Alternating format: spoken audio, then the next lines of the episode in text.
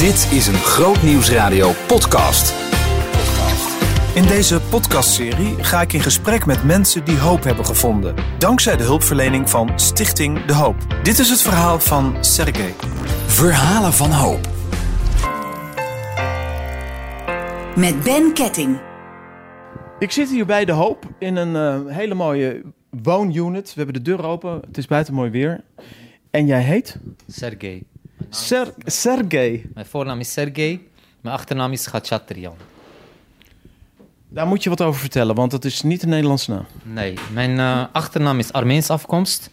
Mijn v- Sergej is meest- eh, meestal Russische eh, naam. Eh, ik ben geboren in Armenië. En eh, toen ik drie jaar was, zijn we gevlucht naar Ru- Rusland. Maar mijn ouders zijn Armeens afkomst. Ik ben opgegroeid tot mijn elfde in Rusland. Je bent al driejarig kind, ben je eigenlijk, eh, daar weet je natuurlijk niks meer van. Nee, ik weet niets meer van, niet veel meer van, maar ik weet wel dat ik eh, als kind ergens weg moest vluchten. Om, om een betere leven te krijgen. Uiteindelijk zijn wij vanuit Oekraïne ook weer gevlucht naar Nederland. Door andere omstandigheden.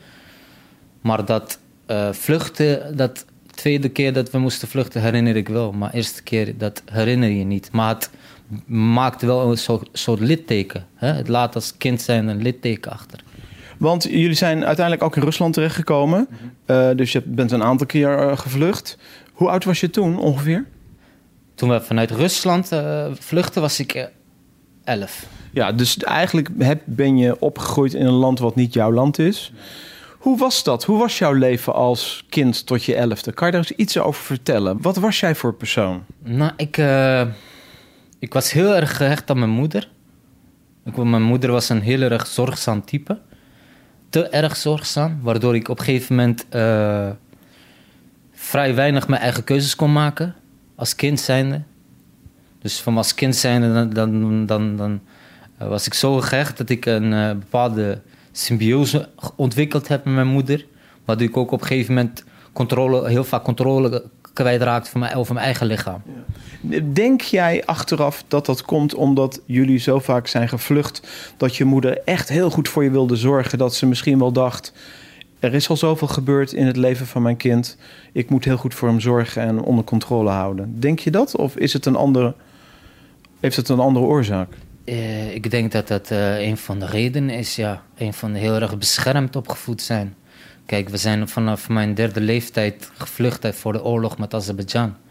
Omdat wij in een stukje land in Azerbeidzjan woonden. 1990 begon de oorlog uit te breken met Azerbeidzjan. Toen Armenië vanuit de Sovjet-Unie eh, uit de Sovjet-Unie kwam. En eh, ik denk dat dat daardoor ook mijn moeder heel erg beschermd was tegenover ons. En wij kwamen ook in een blanke wereld. Hè? Oekraïne is ook een blanke wereld. Dus je komt uit donkere mensen uit naar een blanke wereld. Dus daarin groei je ook al op van je bent anders. Ging jij naar school? Oekraïne ben ik naar school gegaan, ja. Basis, basisschool was dat. En hoe werd je dan aangekeken daar? Anders, je bent anders. Je groeit op, maar je bent anders. Met het gevoel dat je anders bent. Dus je wordt anders naar je gekeken, je wordt anders behandeld. Eh, vooral in die tijden was het heel extreem. Wat kan je dan nog van herinneren? Hoe liep jij rond? Wat voor jongetje kwam ik dan tegen? Onzeker en? Angstig, angstig opgevoed. Eh, je, groeit vooral vanaf je kind van heel erg angstig. Waardoor je veiligheid zoekt, altijd. Dus mm, ja, bij wie kan ik veilig zijn? Bij welke jongens kan ik veilig zijn? Als kind zijnde al. Waar je ergens bij wilt horen, zodat je veilig voelt. Mijn vader had ook niet zo heel goed daar in die land, eh, in Rusland, waardoor wij eh, vanuit daar uiteindelijk ook moesten vluchten. En eh, heel diep wil ik er nu over ingaan, want het is een, persoonlijke kwestie. Op mijn elfde kwamen wij in Ne- Nederland en, en, en gelijk dat we in Nederland waren, ging ik al op vechtsport. Ik wilde heel graag vechtsport leren, omdat ik mijn, gezin wil beschermen. Weet je. Want, want even, want jij was toen 11, 12 jaar toen je in Nederland kwam? Ik was, ik was 11 jaar toen we naar Nederland kwamen. Het was eh, 1997. Het was december 1997. asielzoekerscentrum gekomen? Asielzoekerscentrum gekomen. Ja, dat is ook wat, hè? Ja. Elf jaar kwam ik hier binnen. Eh, eerst zaten wij in, in, in Den Haag, OC, dat was het. En dan zijn, daarna zijn we naar het asielzoekerscentrum gegaan in, in eh, Maastricht. En eh, daar hebben we ook een paar maanden gewoond. En vanuit daar zijn we verhuisd naar Markelo, asielzoekerscentrum. Dus wat je ziet is dat mijn levenslang, levensverloop tot mijn 13-jarige leeftijd heel veel vluchten en verhuizen was. En daar heb, dat, dat heeft nou effect gehad. Op, op nu 34 ben, heeft het nog steeds effect voor mij. Ja, want je kon je, je kon je als kind nooit hechten ergens. Kon nooit echt vrienden maken. Nee, nee. En, en, en ook nog steeds heb ik er last van dat elke kleine verandering met angst met zich meebrengt. Dat je op latere leeftijd merkt van ik kan niet tegen veranderingen. Dat komt daar vandaan. Je ging op boksen. Waarom boksen? Ik ging eerst op taekwondo. Ik heb taekwondo gedaan. Het was een Koreaanse vechtsport. Ik heb uh, vier Nederlandse titels bereikt daarmee. Europees titel behaald in 2003 in Griekenland. En het is een vechtsport, dus wat ik je zei, ik wil graag leren beschermen. Hè, leren weerbaar zijn tegenover mezelf. Maar in mijn achterhoofd als kind zijnde wou ik mijn ouders beschermen. Ik heb nare dingen gezien in Oekraïne wat er gebeurd is. Met mijn ouders, voor mijn ogen. Ik wil niet over de details ingaan, maar het is uh, voor een kind zijnde... Ik, op dat moment besefte ik niet dat ik er schade aan kan hebben gehad heb. Maar achteraf merk ik dat ik er een hele schade aan heb overgehouden. Je ouders zijn bedreigd, want er was natuurlijk ja. gewoon... Meer dan bedreigd. Het zijn, er zijn dingen voorgevallen voor mijn ogen, voor mijn ogen van mijn zus. Dus toen ik in Nederland kwam, wilde ik mij heel graag leren beschermen. Wilde ik mijn ouders leren beschermen. Zodat we nooit weer in zo'n situatie terechtkomen, als kind zijnde. Kon jij uh, als kind, uh, als 12, 13-jarige, praten over wat je had gezien? Kreeg je hulp eigenlijk al in het asielzoekerscentrum misschien? Uh, een psycholoog of, of een, een, pedagoog of wat dan ook. Iemand die met jou ging praten over wat je als kind allemaal had meegemaakt. Nee, meer met mijn ouders. Ik merkte wel dat ik een agressiestoornis had. Dat kwam op mijn zestiende tevoorschijn. Samen met de reclassering hebben we daarna gekeken. Van hoe kan dat dat ik steeds in problemen kom door mijn agressief gedrag. Want je sloeg om je heen? Ik sloeg om me heen en meer dan dat. Uh, op een jonge leeftijd kwam ik ook uh, regelmatig met de politie in aanraking. Tegelijkertijd. Vechtsporten was een beetje mijn uitlaatklep, maar het was niet genoeg. Uh, ik wou ergens bij horen. Als kind zijnde wilde ik ergens bij horen zodat ik me veilig voel. Mm. En je groeit ook op met, het, ja, met verkeerde keuzes, verkeerde vrienden, waardoor je een bepaalde soort identiteit wil creëren in jezelf. Waar mensen uh, angstig voor, voor, worden. En, en, en dat begint je identiteitsprobleem uh, Je wilde eigenlijk zelf het heft in handen nemen. Je wilde zelf de baas zijn en niet laten bepalen waar jij moet wonen, wanneer je moet vluchten, wanneer je weg moet. Maar je wilde een veilige plek waarin je zelf sterk was. Is dat wat je, wat je zocht? Vooral dat er uh, dat nooit iemand meer aan mijn ouders kan zitten. Je wilde eigenlijk als kind je ouders beschermen dan? Als kind, ja. ja. Je wilt als kind je ouders beschermen. Dat is een grote verantwoordelijkheid voor een kind. Was het ook. Ik denk niet dat het gezond is, het leven die ik heb gezien. Voor een kind, snap je? En zo dat vormde mij langzamerhand. Dus op mijn 18, 19e jaar, 19 jaar ben ik gestopt met taekwondo, ben ik overgegaan naar boksen. Tegelijkertijd was ik ook een heet hoofd. Weet je die heel vaak in de problemen komt. Altijd uh, voorop in de groep. En uh, als, als je al, als je al uh, iemand bent die met een soort persoonlijkheidsprobleem heeft door, door zijn verleden, ja, dan ben je heel snel geneigd verkeerde keuzes te maken met verkeerde vrienden. En dan groei je langzaam op meer van verkeerde dingen doen, veel willen hebben. Hè? Wat je hebt is wie je bent. Daar gaat het niet meer om, weet je wel. Uh, de, kracht, de, de krachtigste overleeft op straat. En dus je groeit op met identiteitscrisis. Niet van, vanuit wie ben ik. Nee, wat ik heb is wie ik ben. Dus dan ga je verkeerde dingen doen, verkeerde keuzes maken, verkeerde vriendschap. En dan en creëer je eigen andere identiteit. Wat is er toen gebeurd? Want ehm, na het boksen, je werd natuurlijk toch iemand doordat je titels behaalde. Opeens zagen mensen je. Eh Sergej, oh ja, dat is die bokser. Eh, taekwondo, eh, vechtsport, grote mond, sterke jongen. Waar was je naar op zoek als mens eigenlijk? Macht. Ik wil machtig zijn. Ik wil status hebben, aanzien hebben, macht. Vooral ehm, geld, macht, eh, aanzien. Je, als je binnenkomt ergens, dat je niet, niet hoeft te betalen, maar dat op rekening wordt gezet. Snap je?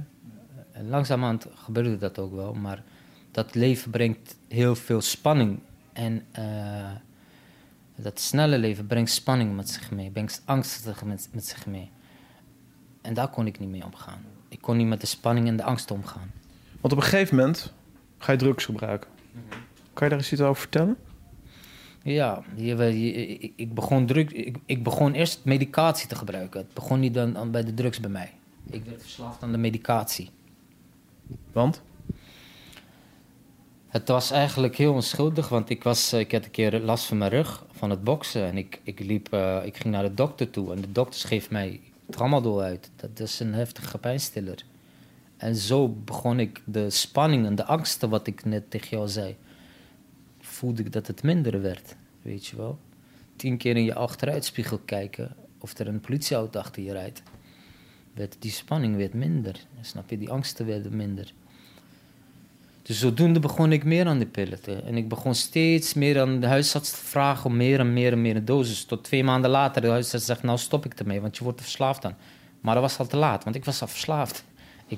Ik, had al, ik, ik was al verslaafd. Het dempte heel veel gevoelens, heel veel spanning, heel veel angsten. Dempte het, weet je wel. Van ook, ook van vroeger. Want hoe dan ook ben je heel erg geneigd af en toe in, in het verleden te gaan.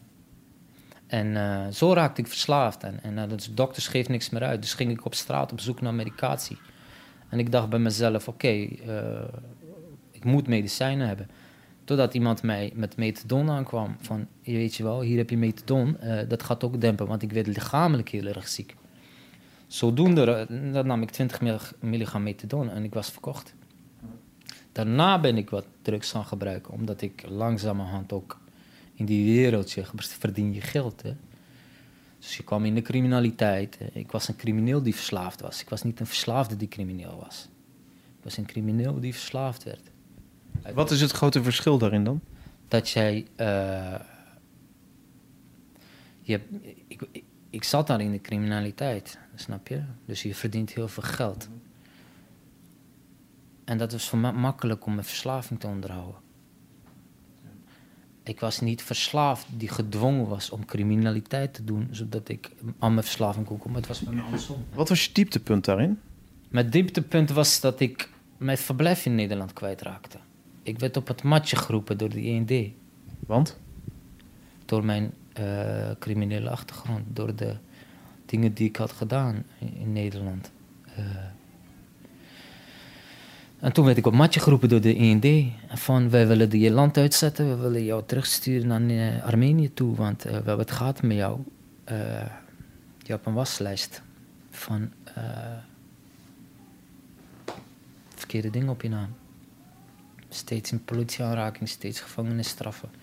Daar waren ze gewoon klaar mee. Duidelijk, eh, be- begrijpelijk ook. Hè? Achteraf. Achteraf begrijp ik het ook. Want ik ben in dit land gekomen. Dit land heeft mij veiligheid geboden. Mijn kind is half Nederlands. Ik heb twee kinderen. Een zoon van 14 en een, dochter van 8 is half Nederlands. Veiligheid aan mijn ouders geboden. Eh, helpende hand geweest. Eh, geld geven zodat wij voeding konden. Zodat we ons konden voeden, ons konden kleden, ons naar school kunnen gaan. Maar toch heb ik zoveel schade is, is in, mijn, in mijn jeugd gekomen in mij, dat ik de verkeerde keuzes in maakte. Nu achteraf, na een drie jaar behandeling, merk ik van waar het allemaal fout is gegaan.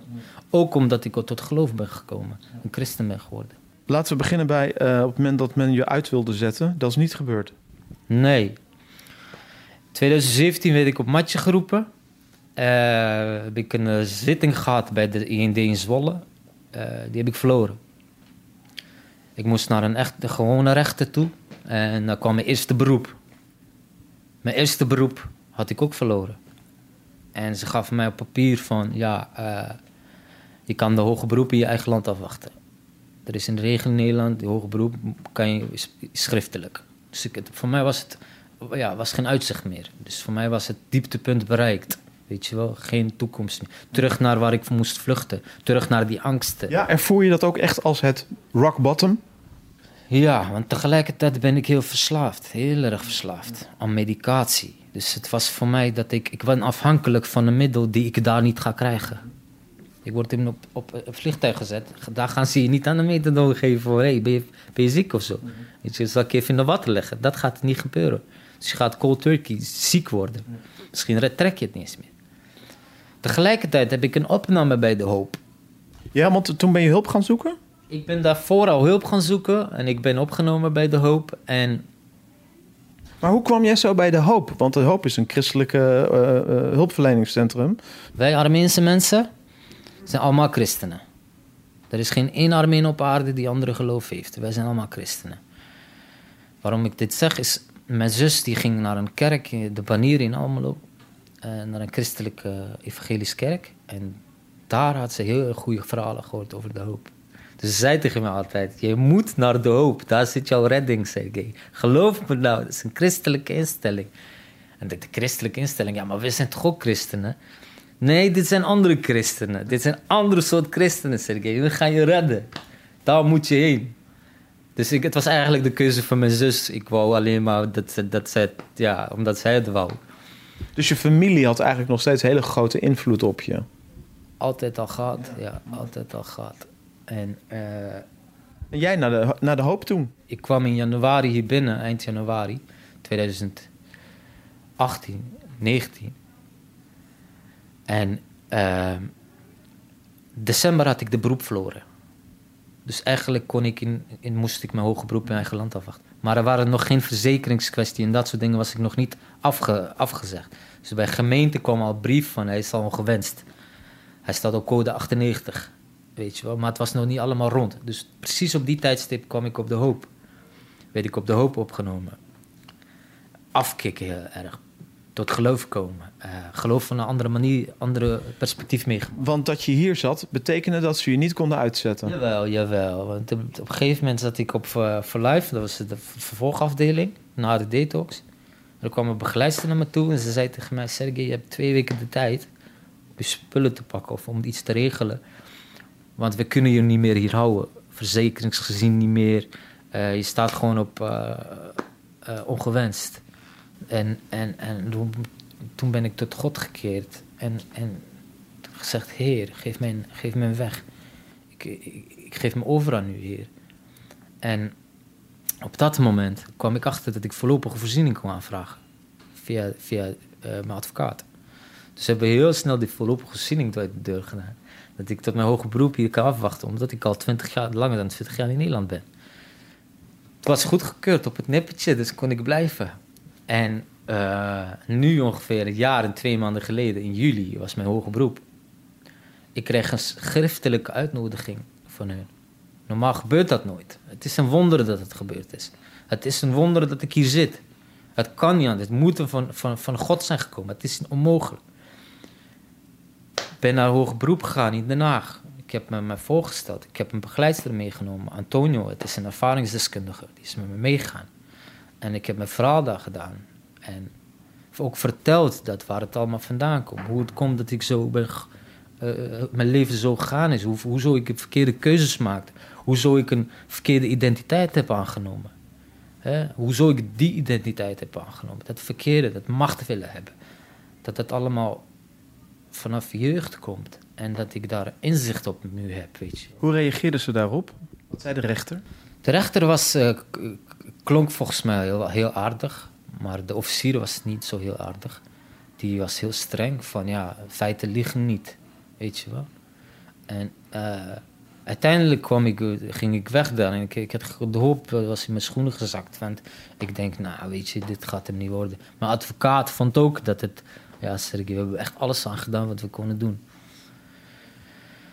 En toch, ik heb een biddende moeder. Ik heb altijd een biddende moeder gehad. Die heeft me altijd gebeden voor mij. En Mijn vader is tien jaar uit ons leven geweest. Vanaf mijn negentiende tot mijn 27ste. Ook een gevangenisstraf van negen jaar. Waardoor ik hem niet kon zien. Dus, eh, en mijn moeder bleef bidden. En voor hem en voor mij. Uiteindelijk is hij vrijgekomen. Woont hij nu met mijn ouders samen. Heeft hij een baan. Werkt hij in een bakkerij en is hij dankbaar voor. En uiteindelijk uh, kreeg ik een brief vanuit de rechtbank. Dat ik een laatste kans krijg in dit land. Een vriend van mij, die zit nou in Armenië. Precies met ongeveer hetzelfde verhaal. Hij kreeg geen kans. Ik wendde mij tot God. Ik wendde mij tot mijn geloof. En de Heer zei, ik zal je veranderen. Want ik zei, u moet mij veranderen, want ik kan het zelf niet. Hoe ben jij zo veranderd dan toen je hier kwam? Want je bent natuurlijk afgekikt. Afkicken moet, geloven mag. Hè? Het is een kliniek waar geloof heel belangrijk is. Maar uh, iedereen is hier welkom. Hè? Ook ongelovigen zijn welkom. Ook islamitische mensen zijn welkom. Afkicken moet, geloven mag. Maar wat ontdekte je dan over God hier? Dat jou op een ander spoor zette? relatie. Ik kon er relatie mee hebben. Ik, ik wist niet dat ik echt een relatie met God kon hebben. En ik, mo ik wist ook niet dat ik mocht komen zoals ik was. Hè? Ik mocht me niet vaak bij mijn vader komen zoals ik was. Want mijn vader, die, vooral toen hij de laatste tijden thuis was, was het altijd heel erg botsen, weet je wel. Zo ben je geworden. Constant het verkeerde, hoe, waarom ik ben zo, zo geworden ben. En bij God mocht ik komen zoals ik was. En toen ik, hoe bedoel je? Vanuit de katholieke, waar ik, hoe ik opgevoed ben, is het meer veranderen. En dan pas naar God toe komen. Steeds moeten verdienen. En steeds de straffende kant van God. Nu leerde ik de genade kennen. Genade van God. Dat ik mag komen zoals ik ben. Dat de verloren zoon ook kwam nadat hij uh, alles van zijn vader uh, mee had genomen. Hoe was dat om bij een God terecht te komen die zei: Ik heb genade? ik vergeef je dingen. Hoe was dat voor jou? Ik moest het horen. God praat door mensen heen. Ja? Dus ik moest het horen. Ik heb zijn stem niet gehoord, maar ik heb zoveel verschillende medewerkers hier horen zeggen tegen mij. Sergej, je bent vergeven. Het is genade. Ik uiteindelijk heb ik het moeten voelen. Ik ben iemand, ik moet het voelen. Uh, dus ik heb het ook gevoeld van het is genade. Uh, ik ben vergeven. Maar ik moest letterlijk één iemand te vertrouwen nemen en alles opbichten. Was een, uh, op de kajuit, dat is het uh, detox, was er een, is er een begeleider, Dick Vroeven. Ik heb hem alles verteld, waar ik een wassenlijst dingen gedaan heb. En, en, en, op dat moment lachte hij. Hij zei, is, dit alles? Hoe bedoel je, is dit alles? Is dit een 15 jaar gevangenisstraf op? En je zegt tegen mij, is dit alles? En en ik voelde bevrijding, weet je wel. Ik heb hem dingen verteld die ik nooit iemand verteld heb. En dat voelde bevrijding. Want ik voelde vrijheid. En ik dacht van, oké, dat is het verleden, weet je wel. God herschrijft je verleden. Hij gaat mijn verleden herschrijven. Toen begon naar de zoektocht van wie ben ik? Wie ben ik echt? Wat is de nieuwe identiteit die ik wil zijn? Ik ontdekte voor mezelf heel veel positieve kanten. Ik kwam hier binnen als je me vroeg aan een, drie positieve kanten voor mij, kon ik niet benoemen. Ik kon niet zeggen waar ik positief goed in was. Als je me nu benoemt, weet je wel, is het tegenovergestelde. Kan ik je waslijst met positieve eigenschappen benoemen. Negatieve eigenschappen zijn helemaal gezakt, snap je? En daar begint het. En, en, en toen begon het. Ik begon mensen te vertrouwen. En vanuit vertrouwen proefde ik de liefde van hen. Ik zag in hun ogen, hun hebben iets wat ik niet heb, dat is zeker. Je straalt iets uit wat ik niet uitstraal. En dan begin je met vragen te komen. Weet je? En dan beginnen ze te evangeliseren pas. Mhm. Want het is niet zo dat ze het gelijk als je binnenkomt met volop.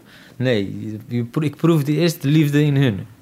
Snap je? De, manier, de betrokkenheid. De, de betrokkenheid wanneer ik negen uur s'avonds sigaretten van mij werd gehaald. Bij de detox door een begeleider. Eigenlijk kon het niet, buiten de schriften, maar het werd wel gedaan voor je, snap je? Nu ben ik uh, bijna twee jaar verder. Ik ben uh, gestopt met zeven soorten medicatie. Ik, ben, ik rook niet meer. Uh, ik heb boksen opgepakt.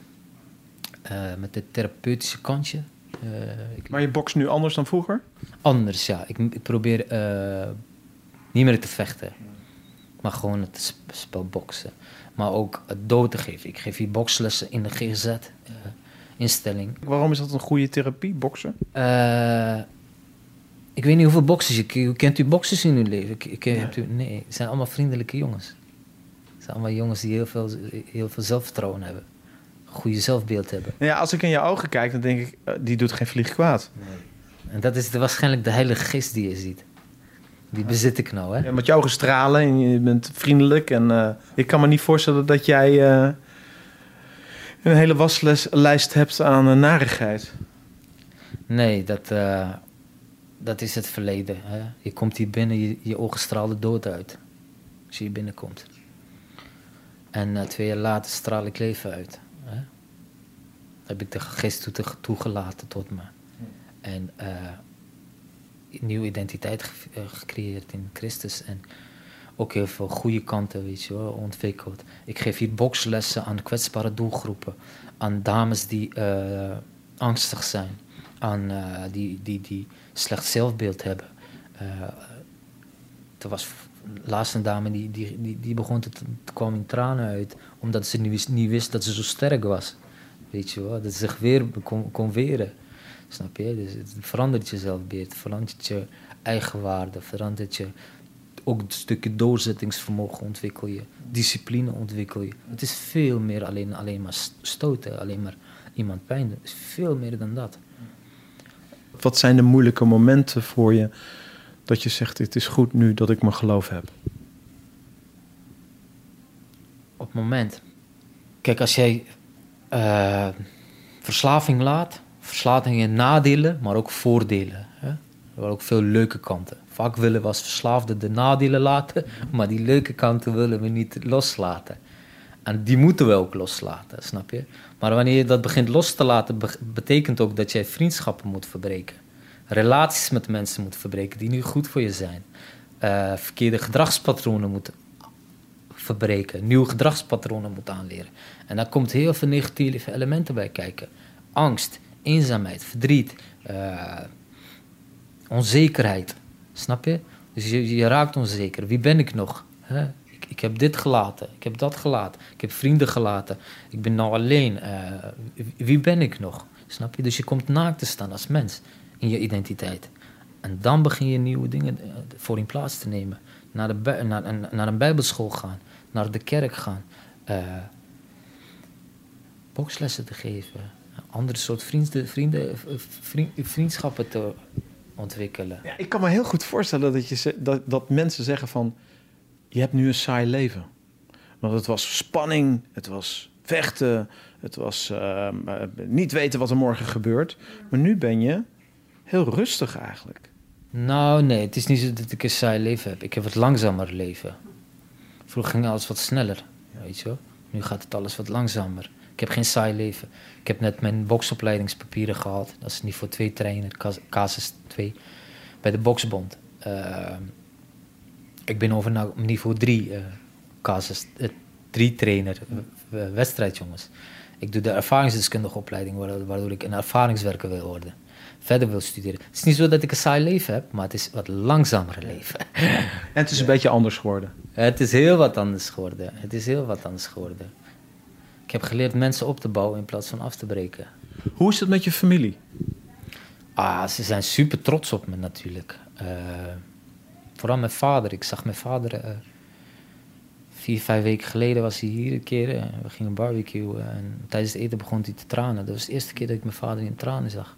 Omdat hij zo trots op me was. De verandering ben. Dus, eh, maar hij is weer dan eh, katholiek, snap je? Dus hij denkt dat het vanuit jezelf moet komen. En daar begin ik dan langzaam te evangeliseren. Maar pap, dit heb ik niet gedaan. Hè? Dit heeft God gedaan. En ze zijn super trots op me. Heel erg trots op me. Ja. Als je je nou moet vergelijken met eh, dat kleine jongetje, Sergei, die zo vaak op de vlucht ging met zijn ouders en Sergei, jij nu, waar kijk ik nu dan naar?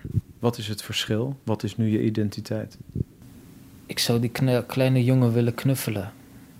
En vertellen dat hij niet bang hoeft te zijn, weet je wel. Dat het allemaal wel goed komt. En dat hij eh, naar zijn ouders moet luisteren. En, en eh, ik word er emotioneel van, begrijp je wel. Dus het is... Eh,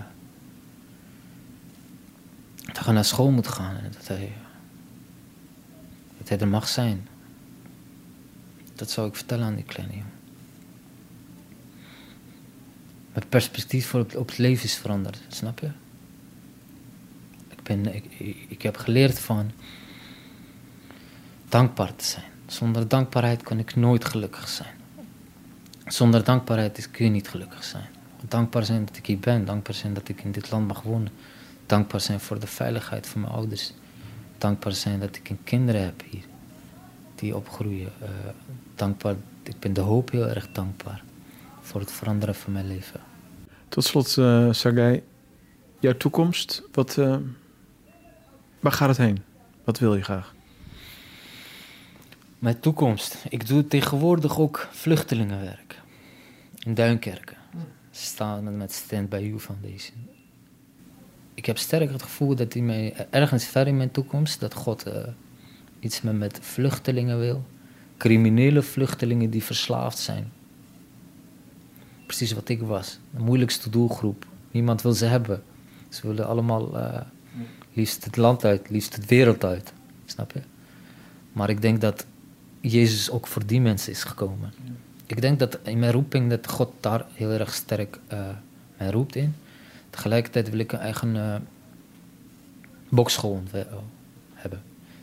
Samen met een paar vrienden van me willen we een eigen bokschool hebben. En werken in, een, eh, in, in, in, een, eh, in de zorg. Dus, eh, Ik denk dat het een ladder is. Een eigen bokschool hebben, werken in de zorg. Dat dat God zegt, is goed voor je tijdelijk. Maar daarna heb ik je plannen met jou. Met verslaafde vluchtelingen. In de criminaliteit zitten. Er staat in de Bijbel een tekst dat God geeft je de... ehm, wil je geven waar je naar verlangt. The desires of your heart, zegt het Engelse woord. Ja. Wat je wenst, wat je heel graag wenst. eh. ik was ooit, eh, werkte ik in Amerika en ik, ik had heel weinig geld. En ik zat in een band. En ik, was, er was, ik woon in Texas. En er was een, eh, een, een muzikant en zat in een band. En die had een hele mooie jas, die cowboys aan hadden. En ik vond die jas zo mooi. En op een gegeven en dat wist hij. En eh, ik had niet zo heel veel. En op een gegeven moment kwam hij naar, naar mijn huis toe. En toen gaf hij mij die jas. En toen dacht ik, dat vond ik heel mooi natuurlijk, want ik vond die jas helemaal top. Maar aan de andere kant dacht ik, ja, zo is God. Die wil je een jas geven, weet je wel.